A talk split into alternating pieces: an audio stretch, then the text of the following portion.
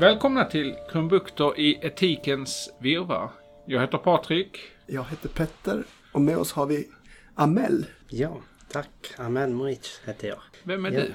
Nej, men jag jobbar som verksamhetsutvecklare på arbetslivs och socialförvaltningen och har hand om många olika frågor kan man säga. En del är just det här eh, utbildningskonceptet. Vilka är vi? Jag är en sån där VFU-samordnare också för mottagande av socionomstudenter på vår förvaltning också. Vi har tre sådana VFU-samordnare på tre olika förvaltningar men hos oss är jag det. Vad står VFU för? Eh, Verksamhetsförlagd utbildning. Ja. Så vi tar emot socionomstudenter på praktik kan man säga. Eh, 20 veckor totalt under deras utbildning. Sen är jag, jag söker ju så här projektmedel eh, och ibland är jag både söker och ibland med och driver dem och det kan vara ja, lite allt möjligt. Men ofta är målgruppen nyanlända eller övriga arbetslösa och så. Och vi har ju ständigt flera sådana projekt pågående då. Ja. Den här Vilka är vi? Hur länge har det pågått? Den pågick väl eh, kanske ett och ett halvt års tid under projekttiden. Det har ju varit lite problem i och med att det har varit pandemin så, så då har man inte kunnat jobba i grupper. Så därför har vi valt att förlänga det och ge det en ordentlig chans kan man säga.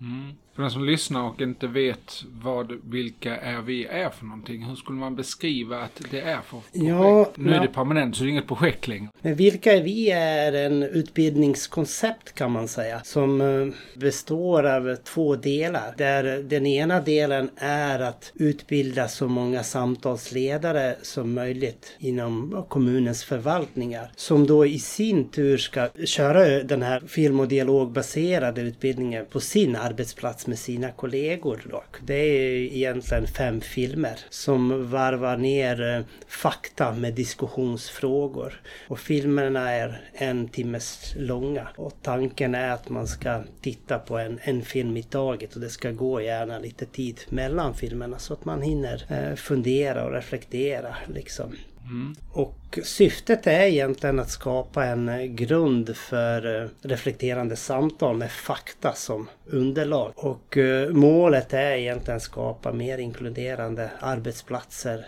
med god sammanhållning och där man tar tillvara varandras kompetenser och, och samarbetar liksom utifrån ja, intressen och behov också på arbetsplatsen. Det, så det, det är olika filmer så att säga. Ja, fem filmer en timmes långa ungefär. Och De har ju lite olika teman men övergripande kan man säga att filmerna handlar om ja, inkludering och integration. Och det är betoning på de delarna. Men det innehåller också väldigt mycket ja, om jämställdhet, ja, att vara ny på arbetsplats. Hur tänker vi? Hur brukar vi tänka liksom om varandra och varför vi gör så? Man eh, pratar bland annat om konflikthantering. Hur hanterar man konflikter? Så det är en hel del fakta om arbetsmiljö på en arbetsplats. Så det kan vara beskriva med olika situationer man hamnar i. Så att Ja. säga. I, Precis. ja. Jag, jag tyckte själv, jag gick den här utbildningen för Mm. tre, fyra år sedan och, och tyckte den var klart givande. Och Mm. en av de saker som jag uppskattade mest var nog att, att det blev så konkretiserat. Mm. Att det, det var personer som själva berättade, det här har jag varit med om, det här, så här krockade jag med min omgivning när jag kom till Sverige. Eller, Ja, jag tyckte det, det gjorde hela den här värdegrundsdiskussionen till någonting väldigt praktiskt och, och jordnära. Ja, jag kan bara hålla med om att de liksom i filmerna kör ju en del fakta, liksom de här svåra ord, integration, inkludering och förklarar de orden, även andra, jämställdhet och det här konflikthantering. Då så försöker man bryta ner det. Hur kan det vara i verkligheten på olika ja, arbetsplatser och så. Att man eh, får en ökad kunskap i de här frågorna. Och det är liksom just att det är så pass brett att det, det kan beröra alla, alla arbetsplatser. Sen är, folk blir ju berörda på olika sätt naturligtvis. Folk har ju olika förutsättningar och jobbar på olika sätt med olika målgrupper och, och så. Men det finns någonting för alla arbetsplatser tycker jag att hämta. Ja. Det, själva den här utbildningen som, som ni kör, när, vilka är vi, den riktar sig, den ena delen handlar ju om att eh, hitta personer som kan hålla i de här samtalen. Har det funnits en, någon svårighet att, jag kan tänka mig när man läser de här så blir man, oh det här skulle jag vilja vara med i, den här utbildningen. Men om man själv, ja, jag vill gå utbildningen men jag vill inte vara samtalsledare. Det är inte alla som är bekväma att vara Nej, samtalsledare. nej. Har ni stött på något, något sånt? Där, jag där folk kan- har sagt att de är intresserade men ja, jag vet inte om jag vill hålla. Ja. ja, men jag kan berätta. Det är inte alls så avancerat uppdrag att vara samtalsledare i just det här utbildningskonceptet. För folk, det, det, vi har ju fått sådana reaktioner precis som du säger. Jag, jag känner mig inte bekväm att liksom vara det. Men det är inte alls så stort uppdrag och det har vi också fått återkoppling senare eftersom filmerna är väldigt självinstruerande. Man sätter igång filmen och då kör de en del fakta och sen plötsligt så, så ställer de två frågor och så säger de nu får ni diskutera och så. Samtalsledarens roll blir ju bara liksom att se till att alla får prata ja, till punkt, alla får komma till tals och så. Så det är inte så avancerat. Man behöver- Samtalsledaren kanske bara rent utav är den som ser till att filmen sätts på play. Det är till och med så att filmen fortsätter de här minuterna som är avsatta för, Ja. för diskussion. Så Ja. att man behöver bara trycka på play i början på filmen och sen så fortsätter Precis, så filmen rullar på under det tiden och den säger ju liksom till liksom nu är det snart dags att avrunda och, och så. så. Så man behöver inte ens hålla koll på det. Liksom vill man förlänga diskussionen, ja då kan man ju stoppa filmen om man skulle vilja det. För det har ju en del sagt att ja, det är lite för kort tid ibland liksom så. Men det kan man ju förlänga om man vill. Då. Eh, Men sen kanske man bara har den där timmen på schemat också och diskuterar det. Så att Ja. det, det kan ju finnas en, en bra avgränsning. Ja, vi har fått både positivt och liksom, för det är alltid en avvägning. För en del tänker just det, och när man säger ja det är fem timmar, oj var ska man hitta den tiden för att köra fem timmar? Men när det gäller just sådana här stora frågor som handlar om arbetsmiljö, inkludering och sådär. Det går inte att göra det snabbt. Alltså det finns nog ingen utbildning som tar en timme och så leder det till mer inkluderande arbetsplatser, god sammanhållning och sådär. Utan det kräver ju engagemang från medarbetarna och så. Så det måste ta lite tid ändå. Samtidigt, det här är väl också en utbildning som egentligen inte är färdig efter de här fem timmarna. Det är väl någonting som fortgår egentligen. Ja, ja, verkligen. Det är som Ver- vår podd här. Alltså, vi kommer Ja. kunna prata om den i evigheter för etik tar aldrig slut. Ja, ja. Nej men precis, verkligen. Och det är därför vi säger också att man inte ska köra dem för tätt. Utan eh, man ska köra en film och vänta gärna kanske en månad. Så att vi hoppas ju att man diskuterar just filmen i fikarasten sen och fortsätter att diskutera och så. Och sen kommer nästa film med nästa tema och så. Men jag, jag vill bara komplettera just det här med samtalsledare. För vi har gjort faktiskt så. För vi har fått lite respons också från både Orsa och Avesta. Och att de från början så var det så att de hade två samtalsledare. Men de har gått ifrån det och kör bara en samtalsledare. Just för att det inte är för avancerat.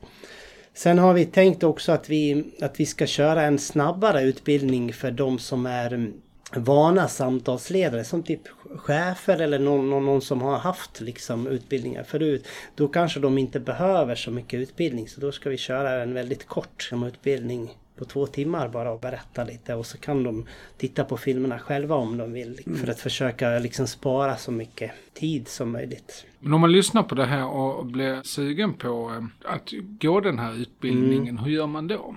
Ja, nej men nu har jag gjort i ordning eh, utbildningsdatumen för det här året.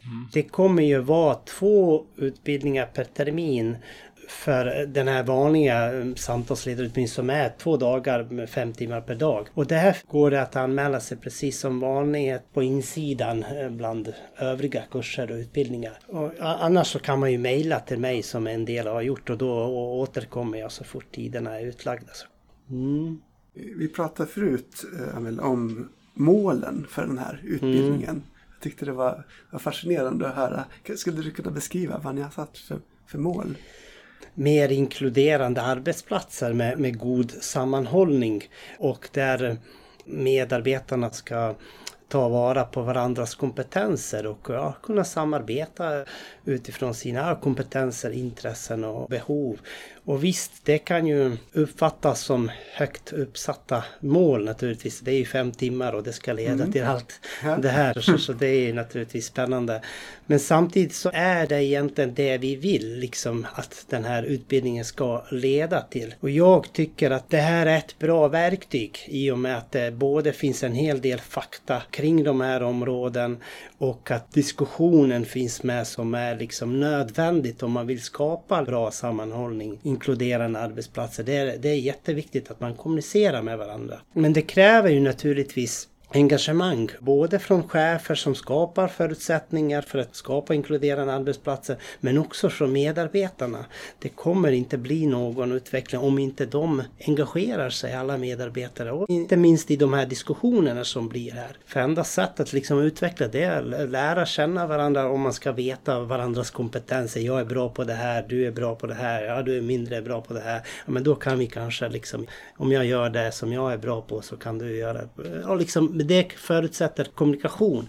Och jag tycker de här eh, filmerna är ett bra verktyg för att kunna utveckla det här. Så det här kommer ju säkert ge olika resultat på olika arbetsplatser. Så man kan säga att det går ut på att egentligen då synliggöra vad vi är bra på och också vad vi behöver komplettera varandra. Ja, för att som man diskuterar ju saker, diskuterar de här områden, då, då, kommer ju liksom olika åsikter fram och så. Jag tyckte också att de hade det eh, intressant approach, eller vad, vad ska man säga, i Avesta, där de säger att det är inte liksom målet att vi ska ska tycka lika, inte ens behöver komma till konsensus. Målet är egentligen att vi ska fungera bra tillsammans på en arbetsplats. Det är det som är målet. Men vi kan tycka olika och så. Mm. De lyfter bland annat det här att um, de är lite konfliktorienterade de här samtalen. Och det är just det här att man får gärna diskutera och tycka. Och de lyfter också det här deliberativa samtal som metod och det, det är liksom... Ta, ta det igen.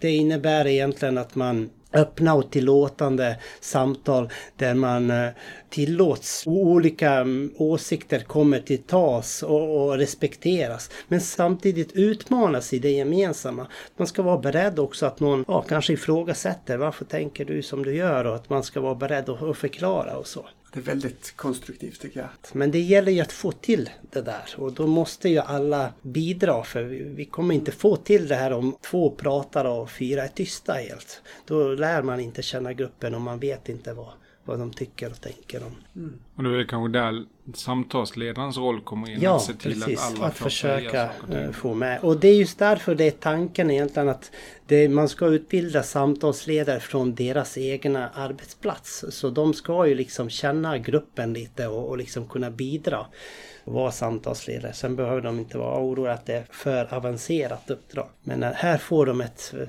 verktyg för att kunna liksom utveckla just de här delarna som handlar om miljö och inkludering på arbetsplats. Får man eh, så här tips och tricks också då om man har, det kan ju vara så att man, alltså hamnar jag i en sån diskussion då pratar jag mer än gärna. Men sen mm. finns det ju de som kanske tycker det är lite jobbigare att prata om hur ja, man ska ja. se till att alla får ordet. Ja, ja, och det är sånt som samtalsledare kan liksom försöka påverka och så. så mm. ska det låter ju jättespännande. Ja, det tycker jag. Har ni fått någon feedback på? Jag har ju varit mer aktiv från maj och då har jag hunnit utbilda två grupper samtalsledare.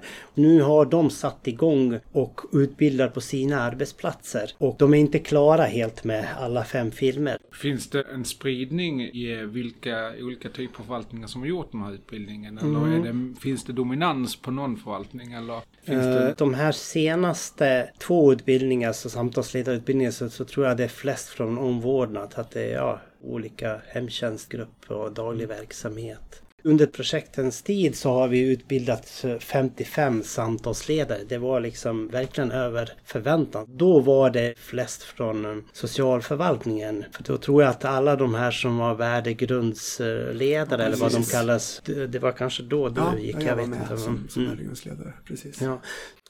Eh, det handlar ju om inkludering och liksom så det är ju verkligen liksom att alla ska ja, känna sig inkluderade på en arbetsplats oavsett bakgrund, oavsett kulturell bakgrund, oavsett ja, funktionsvariation, oavsett kön, oavsett ålder kanske. Mm.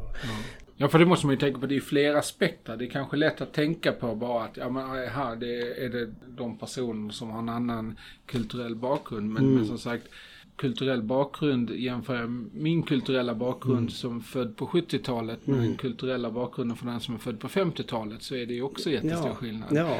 Och ibland kan det ju vara större skillnad inom en grupp. Om man pratar, det har jag tänkt på både vad gäller personer med olika diagnoser och mm. funktionsvariationer. Mm. Att man klumpar ihop dem som en grupp. Mm. Men ofta på individnivå kan skillnaderna liksom mellan personer inom den gruppen vara större mm. än de som inte har någon diagnos. Ja, och samma sak ja. om man pratar om invandrare. Ja, det är helt absolut. absurt att man pratar om det som en grupp.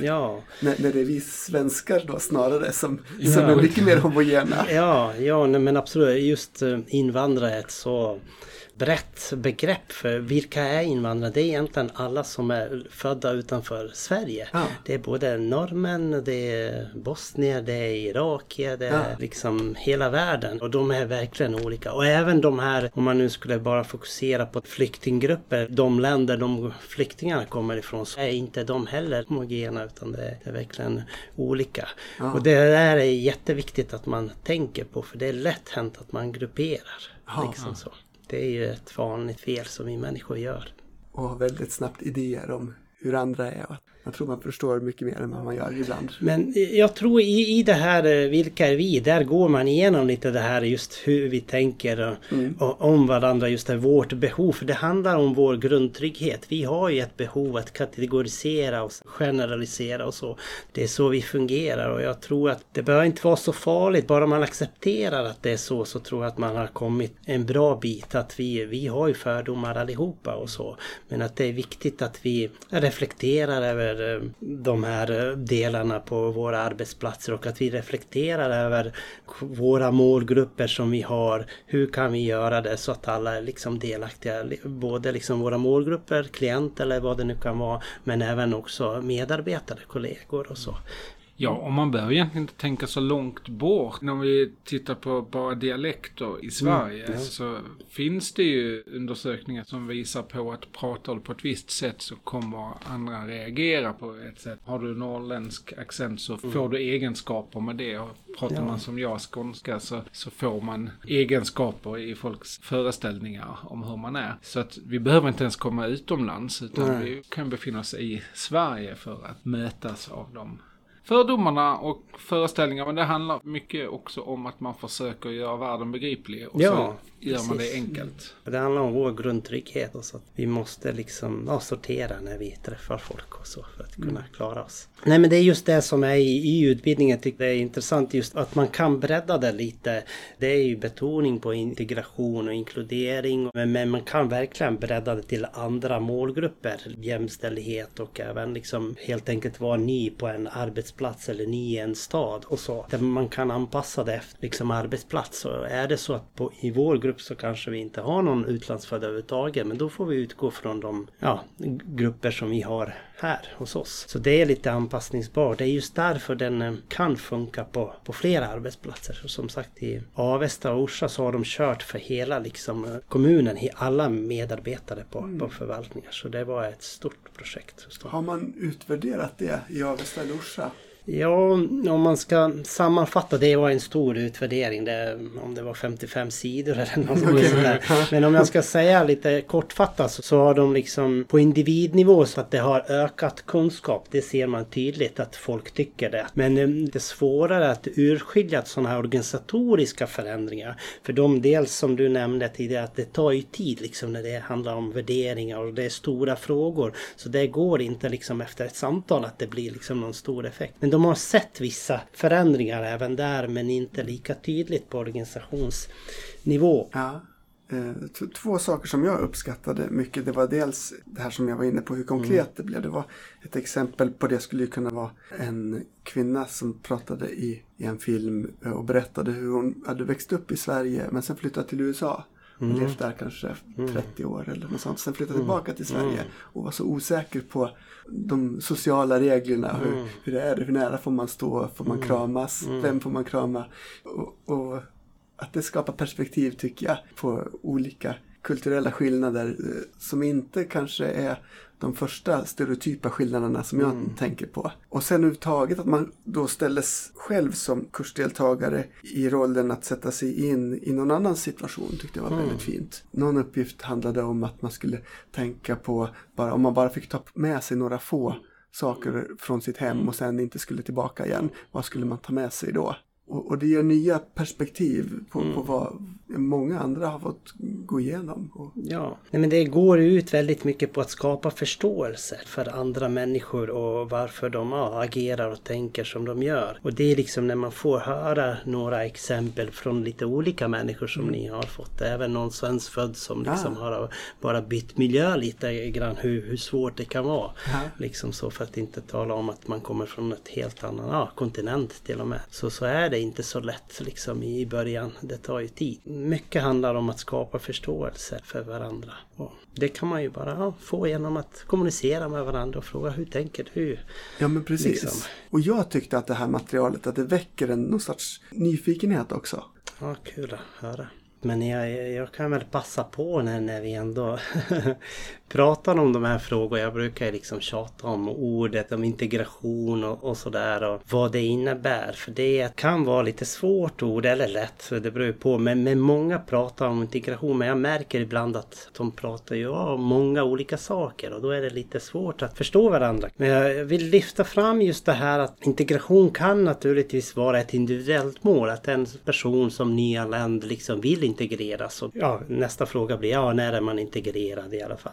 Liksom så att man eh, lär sig tillräckligt svenska, kanske blir självförsörjande och så. Det finns olika liksom mått på det. Men det som jag framförallt vill lyfta det är ju att integration är en ömsesidig process där vi alla deltar. Och, och det är det här jag vill liksom poängtera och det är det som lyfts i det här eh, utbildningskonceptet. Till exempel så har vi väldigt många nyanlända också som är jätteduktiga och lär sig språket snabbt, kanske har en bra utbildningsbakgrund och så. Men vi kommer inte nå integration om inte vi andra släpper in dem. Mm.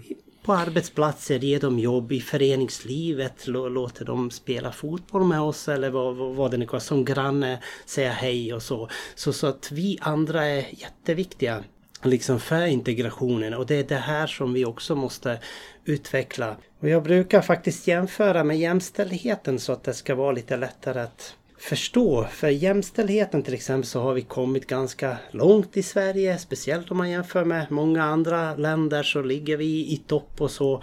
Eh, men där vill jag också poängtera att det beror inte bara på att några genuspedagoger eller jämställdhetspedagoger har lyckats väl med sitt arbete. Det är för att hela samhället har utvecklats när det gäller eh, jämställdheten och vi agerar mycket mer när det gäller orättvisor och jämställdheter och vi inkluderar mycket mer. För det har blivit liksom, vår kunskap har ökat rejält när det gäller jämställdhet. Även om det, det finns ju väldigt mycket kvar att göra där också. Men på samma sätt är det med integration. Om inte vi engagerar oss eh, i det så, så kommer man inte att nå lika långt med integration. Och jag vill också poängtera att det behöver inte vara så att alla ska jobba lika mycket som jag eller någon, de, som de på flyktingmottagning med integration. Utan jag tänker mer utifrån den roll som du har i samhället. Det kan vara så enkelt som granne. Jag säger hej. Och det här gäller ju egentligen, det handlar inte bara om nyanlända. Det kan vara någon annan svenskfödd ungdom som man man säger hej till eller person med olika slags funktionsvariationer så, så blir det lite mer inkluderande om jag är trevlig som granne. Så utifrån den roll du har som granne säger hej, som tränare i fotbollslaget och så ska jag försöka inkludera alla, välkomna alla. Både nyanlända barn som kanske har lite svårigheter med språket, föräldrarna kanske inte hänger med där och stöttar inte lika mycket men försöka låta dem ta plats ändå. Det här gäller ju också svenskfödda barn kanske som har lite trasiga familjer eller vad ska jag uttrycka mig. Föräldrar kanske i missbruk och så. Där kan man ju göra lite extra för att de ska vara med. För det gör ju kanske väldigt mycket för det här barnet att de får vara med och spela fotboll och, och, och så. Så att vi gör något utifrån de roller vi har. Och likaså om vi är arbetsplats att vi ja, anställer personer från så, så att det speglar hela liksom samhället som det ser ut. Så det är ju väldigt mycket utifrån sin roll är det en skola så ska man ju tänka på att barnen är olika och eh, har olika bakgrund och olika förutsättningar och då ska man försöka ge dem samma ja, möjligheter liksom att kunna delta i undervisningen och lyckas det som det i grunden handlar om det är att folk har ju olika förutsättningar i samhället. Mm. Jag tänkte på det när du pratade, så, pratade om integrering och du pratade om inkludering. Och då funderar jag, någon, någon skillnad på, på integration och inkludering? Ja, alltså om man slår upp de här orden så, så råder det liksom olika uppfattningar bland forskare och, och så, sådär. Så det är stora områden som man kan diskutera mycket. Men jag personligen gillar mer ordet inkludering för jag tycker att den är mer tydlig liksom så. Och just när folk pratar om integration så tänker de på många olika saker. Det kan vara bostadssegregation och liksom på många olika saker. Så jag gillar mer ordet inkludering. Ordet inkludering tycker jag betyder att helheten eller systemet är anpassad efter delarnas olika beskaffenhet. Om man skulle liksom flyttade till någon verksamhet och skolan, ja, men då är lärarna och hela systemet anpassat att kunna möta barn med olika förutsättningar. Både nyanlända och folk med olika variationer. Och det här kan ju upplevas också som utopier, liksom. det är ett stort kunskapsområde. Men vi måste ju sträva åt det hållet. Jag tänker att, att integrering, den är systematisk. Alltså, vi, vi ska integrera personer i skolan eller vi ska mm integrera en person att den hamnar i ett sammanhang. Men inkludering där lägger vi också mer ansvar på oss själva. För att det är mm. inte bara att, att du sätter en person i ett mm. sammanhang gör ju inte att den blir inkluderad. Mm. Utan det kräver Nej. att alla som är runt omkring och alltså är inkluderande mot den här personen för att det ska mm. kunna bli. Du, du kan inte integreras om inte alla andra är inkluderande.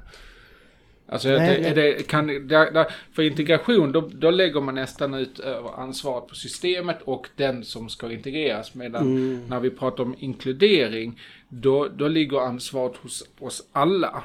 Ja, att skapa inte... ett klimat där alla känner sig välkomna och, och ja, behövda. Ja. Det, det, är så jag förstår det. Ja, det är ju precis som du beskriver. Det är just när man pratar integration så tänker tyvärr väldigt många på att det är just den individen och lägger ansvaret väldigt mycket på individen. Och mm. visst, individen har ett eget ansvar också. Men även vi andra har en viktig roll.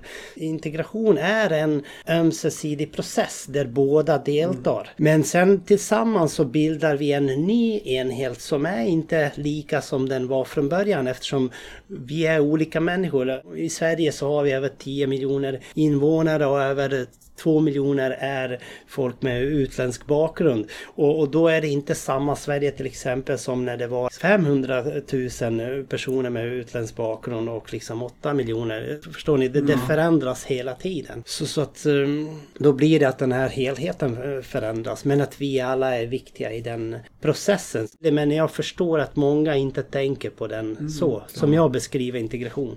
Och just och det... inkludering integration är att det behöver inte vara så att den ena är bättre eller den andra utan det är så man kan uppfatta det. Ja men det händer ju saker med språket och jag tänker att vi har ju ett sånt samtal där man pratar om att hen ska integreras och den har ansvar för mm. sin integration ja. och så Och då, den förflyttningen när man pratar om det gör det lätt att man glömmer bort sin egen roll i det. Ja, ja nej, men det jag håller med verkligen. Mm. Så det är därför jag bland annat gillar mer ordet inkludering för jag tror att folk förstår det bättre och då ser de också sin egen roll. För då handlar det inte bara om nyanlända, det handlar om alla andra eh, grupper ja. i samhället. Ja men det som du var inne på innan, det handlar ju också om personer som är olika funktionsvariationer mm. och svårigheter, funktionsnedsättningar av olika slag. Men en person som är blind, alla ser ja. att den är blind mm. och det är väldigt lätt hänt att man, är jag för hjälpsam eller är jag inte för mm. hjälpsam? Mm. Då innebär det kanske att, att folk drar sig undan av ren försiktighet och resultatet blir att den personen blir exkluderad. Ja. Så att det, det behöver inte handla om personer som kommer från andra kulturella bakgrunder. Utan det kan vara... vad, vad, tror ni om det här? Jag, jag har funderat rätt mycket på hur vi människor tenderar att väldigt snabbt skapa vi och dem. Och att vi ofta bygger upp en vi-känsla utifrån kontrasten mot de som står utanför viet. Mm. Eh, och jag tror egentligen att det finns en jättestark överlappning om, om vad just vad inkludering handlar om. Att det handlar om att försöka bygga upp ett vi utan att det viet byggs upp genom att kontrastera mot de som är utanför det. Utan att det byggs upp liksom genom de som är inom det. Kan man säga så? Det blir kanske ganska abstrakt. Men att det finns ju massor av studier. En enkel studie är att man slumpvis delar in en hel grupp människor i ett och två. Mm. Och personerna vet att det här är slumpvis. Mm. Men direkt så börjar de identifiera sig med den gruppen de mm. blir tilldelad. Mm. Och de börjar tilldela den här andra gruppen andra och tänka på dem som att de tillhör ju inte min grupp. Att jag tycker det är fascinerande men också lite otäckt att vi människor mm. tenderar att, ja. att, direkt liksom skapa den här tillhörigheten mm. genom att tänka att vi är ju något annat än de där. Och om det då är svenskar som grupp man pratar om eller om det är vad det nu är. Det finns ju män eller kvinnor eller det finns ju alla möjliga olika grupper ja. man kan tillhöra. Men att man skapar den vi-känslan just genom att kontrastera sig mot något annat. Jaha. Och egentligen så tror jag att det här, när man pratar inkludering, att då handlar det om att men vilka är vi då? Hur kan mm. vi få ett samspel mm. som fungerar?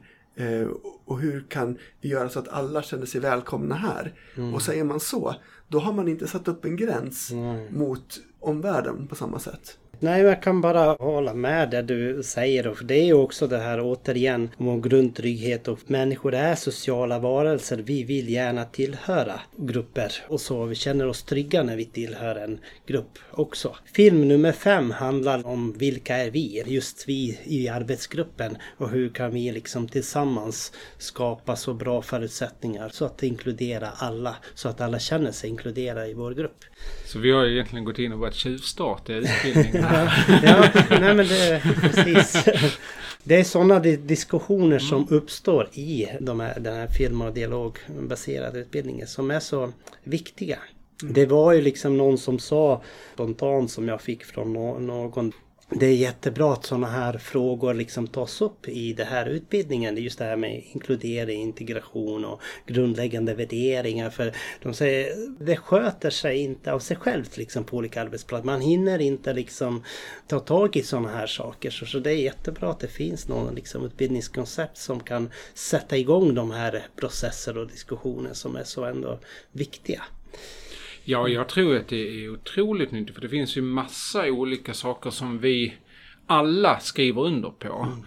Men jag vet inte om alla alltid har reflekterat på vad det betyder. Sådana mm. saker som alla likas värde. Ja. Alla säger att alla är lika värde. Men vad, vad innebär det i praktiken? Vad krävs det av mig mm. också mm. om jag ska ha den grundinställningen att alla är lika mycket värda? Mm. Och att man kan konkretisera det. Och, det. och det är säkert sådana saker som också kommer med. Ja, ja men absolut.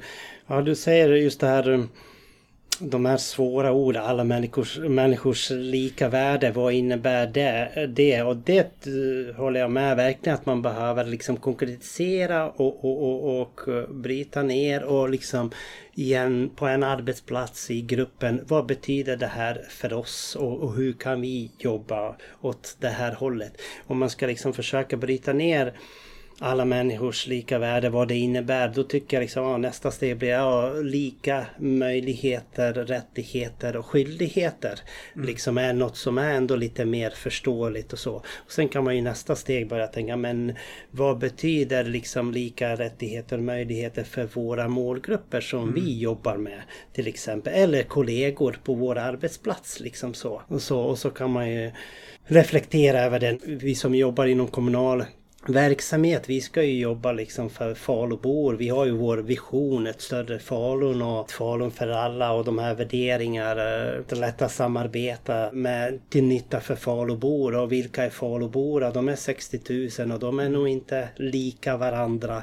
Det finns nog en och annan med funktionsnedsättning, en och annan med med ja, vissa andra svårigheter och nyanländ och svårighet att uppfatta. Och ska vi skicka ut ett brev eller information då måste vi tänka på att de är inte lika. Då ska vi inte skriva för svårt till exempel. Ja, jag svävar iväg men mm. det är sånt som engagerar verkligen ja. tycker jag. För det blir det handlar ju i grunden om rättvisefrågor och jag tror att de flesta vill ju det. De flesta också engageras i det här bara man liksom får större förståelse att det handlar egentligen om rättvisa. För jag, jag tycker också att jag möter mycket och engagemang det väcks hos folk liksom när man börjar prata om de här frågorna. Sådana saker är ju också som det här rättvisa, vad är det? Mm. Innebär det lika för alla? Och kan det vara olika innebära rättvisa? Ja. Och, och, så vidare. Det där kommer vi behandla i ett senare avsnitt mm. så vi kanske har anledning att bjuda in dig igen för att diskutera ja. om du vill. Ja men det är spännande. Det känns ja, viktigt som sagt. Det, det mm. ligger ju liksom en närmast hjärtat just det här att prata om olika målgrupper. Men det är just utsatta målgrupper som jag tycker är mest intressant och rent samhällsmässigt att det är viktigt att vi jobbar med de här frågorna. Det var väl någon, var det Gandhi som sa det här att, att man kan bedöma ett samhälle utifrån hur samhället bemöter utsatta grupper. Ja. Jag tycker det ligger väldigt mycket i det. Mm. Hur väl utvecklat samhälle, hur väl ja, demokratiskt samhälle. Det tyckte jag var fint avrundande ja. för samtalet.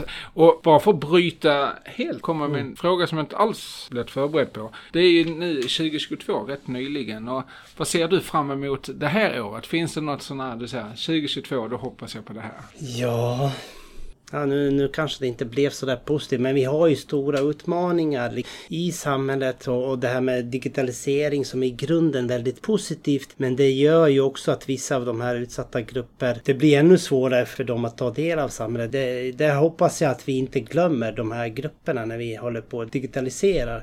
Att vi måste lämna en möjlighet även för de som inte klarar av den här digitala världen. Ja. Nu blev det kanske inte något jättestort. Fint. Varje år är viktigt. Så vi försöker bidra så mycket som möjligt med det här poddavsnittet. Att kanske fler blir nyfikna på utbildningen. Och sen så kan vi väl bara uppmana alla där ute som lyssnar på oss och som tänker använda sig av digitala hjälpmedel. Att tänk på dem som inte riktigt har det som sin styrka. Så inkluderar vi dem också. Mm. Ja, men, tack så mycket Amel. Otroligt ja, trevligt att ha dig här och prata med dig. Mm, tack, det var trevligt att vara här och prata om de här frågorna. Verkligen. Tack. Ja, tack, tack.